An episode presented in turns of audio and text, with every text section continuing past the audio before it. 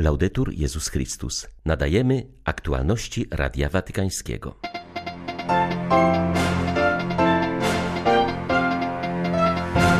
Franciszek przypomniał hiszpańskim biskupom o potrzebie głoszenia Ewangelii pośród aktualnych trudności. W Salwadorze beatyfikowano czterech męczenników, którzy w czasie wojny domowej zostali zabici z nienawiści do wiary. Ulicami Waszyngtonu przeszedł największy w Stanach Zjednoczonych Marsz dla Życia. Nigdy wcześniej nie było na nim tak wiele młodzieży. 22 stycznia witają Państwa ksiądz Krzysztof Ołdakowski i Beata Zajączkowska. Zapraszamy na serwis informacyjny. Franciszek przypomniał hiszpańskim biskupom o potrzebie głoszenia Ewangelii pośród aktualnych trudności. Papież przyjął trzecią grupę episkopatu Hiszpanii, która przebywa w Rzymie z wizytą ad limina. Audiencja trwała ponad dwie godziny. Siła Ewangelii, o której daje nam świadectwo papież, sprawia, że wracamy do naszych diecezji z pragnieniem dalszego głoszenia Jezusa Chrystusa, powiedział po audiencji biskup Sainz Meneses. Trzecia grupa hiszpańskich biskupów to pasterze z diecezji leżących na południu Hiszpanii. Największą z nich jest Malaga. Jak mówi tamtejszy biskup Jesus Esteban Ibáñez, ważną rolę w jego diecezjalnej wspólnocie odgrywają też katoliccy imigranci. Andaluzja, Andaluzja, konkretnie Malaga, jest bardzo gościnna. Nasza diecezja przyjmuje imigrantów i otacza ich opieką. Nasze parafie są miejscem spotkania dla ludzi wierzących. Szukają oni bowiem parafii, w której mogliby uczestniczyć we mszy i pielęgnować swą wiarę. I zawsze znajdują tam ludzi, którzy ich przyjmują i włączają w życie parafii, jakby od zawsze byli braćmi. Jest to bardzo piękne. Najłatwiejsze jest to w przypadku migrantów pochodzących z Ameryki Łacińskiej, bo mówimy tym samym językiem. Trochę trudniej jest przybyszami z Afryki. Ponadto jest też trzecia kategoria obcokrajowców, a mianowicie ludzie pochodzący z Europy Środkowej. Przyjeżdżają, aby odpocząć albo ze względu na wiek. Nasi kapłani są gotowi na ich przyjęcie. Papież Franciszek zapewnił o duchowej bliskości z mieszkańcami kanaryjskiej wyspy La Palma, którzy zmagają się z tragicznymi skutkami ubiegłorocznej erupcji wulkanu. W krótkiej wiadomości nagranej smartfonem przez jednego z hiszpańskich biskupów Ojciec Święty zapewnia: Towarzyszyłem wam w czasie erupcji i towarzyszę wam w odbudowie. Wulkan przez ponad 85 dni wylewał fale lawy. Żywioł spowodował liczne straty materialne, niszcząc około 3000 budynków. 7 tysięcy osób zostało ewakuowanych. Drodzy bracia i siostry z wyspy La Palma, byłem blisko was w trakcie erupcji i nadal jestem. To musi być bardzo trudne, widzieć swój dom zasypany popiołem, musieć uciekać, żeby ratować życie i to, co się da. Jestem blisko także teraz, podczas odbudowy. Jest to trudne, ale nie poddawajcie się, nie załamujcie rąk. Odbudowa zawsze oznacza zrobienie kroku naprzód. To znaczy, że porażka nie ma ostatniego słowa. Niech Bóg Was wszystkich błogosławi. W stolicy Salwadoru beatyfikowani zostali dziś czterej męczennicy wojny domowej, która toczyła się w tym najmniejszym państwie Ameryki Środkowej w latach 1979-92. W ich gronie są jezuita ojciec Rutilio Grande oraz jego dwaj świeccy współpracownicy, a także franciszkanin ojciec Cosme Spesotto. Ojciec Rutilio Grande wobec nieludzkich warunków życia mieszkańców wsi spowodowanych niesprawiedliwymi strukturami salwadorskiego społeczeństwa, inspirowany wiarą, podjął walkę o poprawę losu najbiedniejszych. Dla zagrożonej władzy wraz ze swoimi dwoma świeckimi współpracownikami stał się przeszkodą, którą należało usunąć, mówi ojciec Pascual Cebojada, postulator procesu beatyfikacyjnego. Padre Rutilio Grande è stato ucciso per odio Ojciec Rutilio Grande został zabity z nienawiści do wiary, ponieważ bronił sprawiedliwości, miłości i braterstwa w swoim kraju. I to w czasach bardzo trudnych. Pragniemy, aby to wszystko pomogło w procesie pojednania w Salwadorze oraz w innych miejscach świata. Stanowi on wspaniały przykład zaangażowania na rzecz sprawiedliwości, braterstwa i pojednania dla wszystkich. Męczennik ojciec Cosme Spesotto nazywany jest świętym proboszczem z Salwadoru.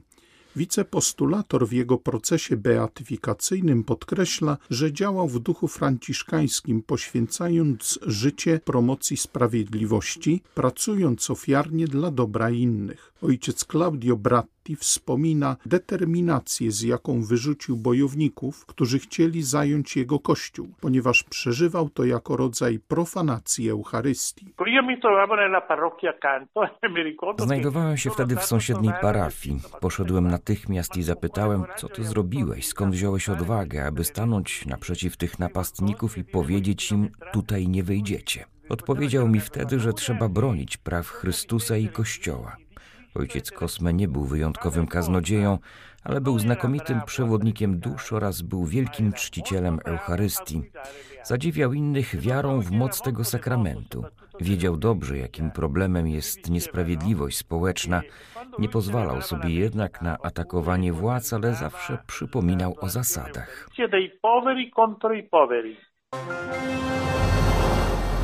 Jutro przypada Niedziela Słowa Bożego. Podczas sprawowanej z tej okazji Eucharystii papież Franciszek po raz pierwszy ustanowi katechistów, a wśród ustanowionych przez niego lektorów po raz pierwszy znajdą się kobiety.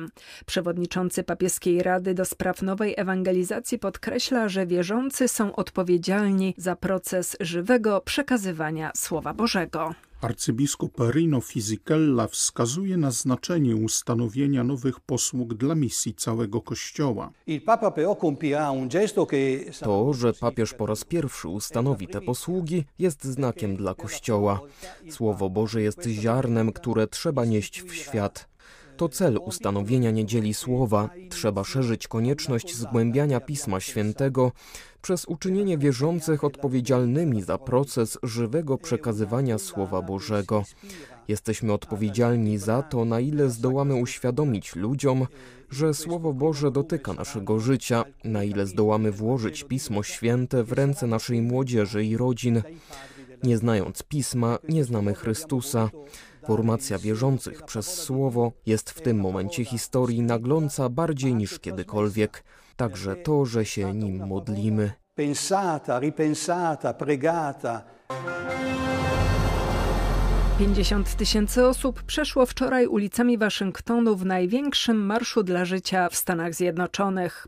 Pozdrawiając jego uczestników, papież Franciszek podkreślił, że dopiero wówczas, gdy świętość osoby ludzkiej jest respektowana i jej prawa uznane, różne formy niesprawiedliwości społecznej mogą zostać przezwyciężone. Marsz rozpoczął się wspólną modlitwą w Bazylice Niepokalanego Poczęcia, skąd uczestnicy przeszli pod budynek Sądu Najwyższego.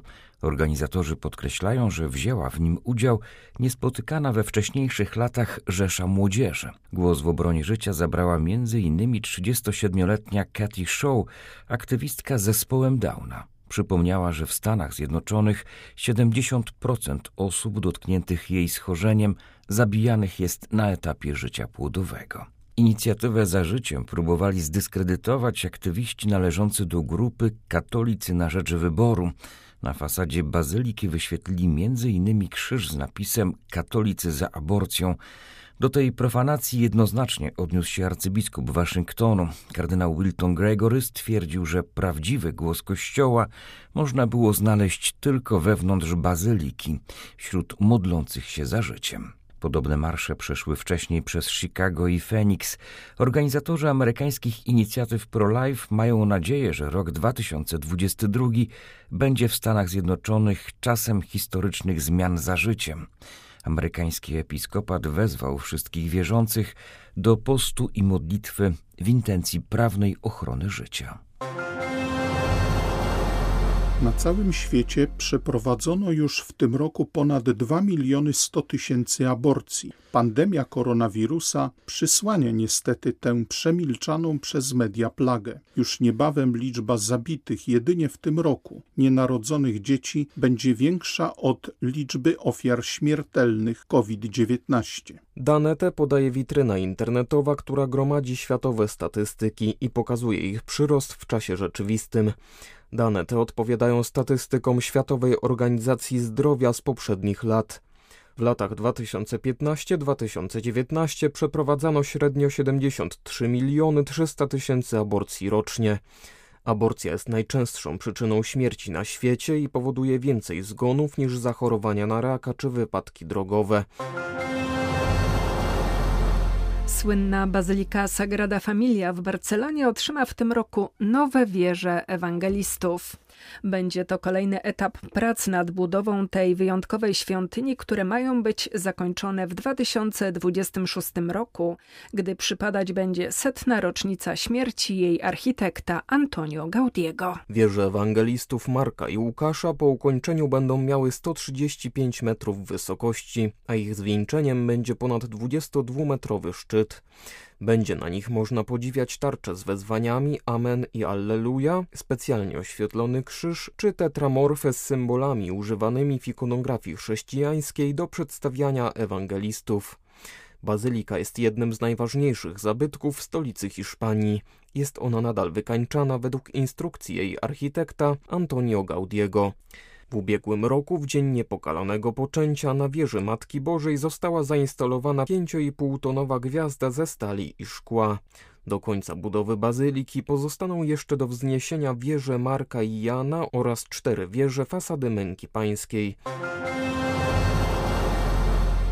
Jedno zdjęcie wykonane w obozie dla syryjskich uchodźców w Turcji poruszyło tysiące ludzi i dało początek niezwykłemu łańcuchowi solidarności. Przedstawia ono pięcioletniego chłopca, który urodził się bez kończyn, jak uśmiecha się do swojego taty, który stracił nogę podczas wybuchu. Obydwaj przyjechali właśnie do Włoch, gdzie otrzymają specjalistyczną pomoc, a cała pięcioosobowa rodzina szansę na lepsze życie. Zdjęcie wykonane przez tureckiego fotografa zdobyło w Sienie prestiżową nagrodę. I właśnie to włoskie miasto stanie się teraz nowym domem dla syryjskiej rodziny. Pomoc stała się możliwa dzięki organizatorom festiwalu, którzy zainicjowali zbiórkę funduszy oraz lokalnej Caritas, która wzięła rodzinę pod swoje skrzydła. Zarówno ojciec, jak i syn otrzymają odpowiednie protezy. Cała rodzina rozpocznie naukę języka, dzieci pójdą do szkoły, a rodzice zostanie zaoferowana praca. Nasza pomoc to konkretna odpowiedź na apel Franciszka, aby każda parafia udzieliła gościny potrzebującym uchodźcom, mówi kardynał Paulo Lo Giudice. Zawsze chciałem móc pomagać całym rodzinom, które znajdują się w trudnościach. Cała ta spirala solidarności, której jesteśmy częścią, to dowód Bożej opatrzności, która pozwoliła nam dowiedzieć się o tej historii i na nią odpowiedzieć. Cieszę się, że w Caritas natknęliśmy się na to zdjęcie, które przedstawia niezwykle głęboką relację miłości rodzica i dziecka, pomimo tragedii, jaka ich dotknęła. Bez tego zdjęcia nie byłoby fali pomocy. Pokazuje to też ogromną spoczywającą na dziennikarzach, by uwrażliwiać na dokonującą się krzywdę i trwające dramaty. Zawsze powtarzam moim księżom i wiernym, że małymi krokami jesteśmy w stanie czynić świat lepszym, także gdy chodzi o przyjmowanie uchodźców. Historia, której teraz jesteśmy uczestnikami, mówi mi o radości życia.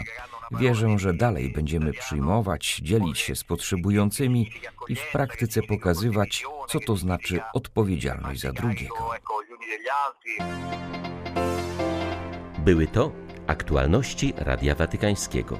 Laudetur Jezus Chrystus.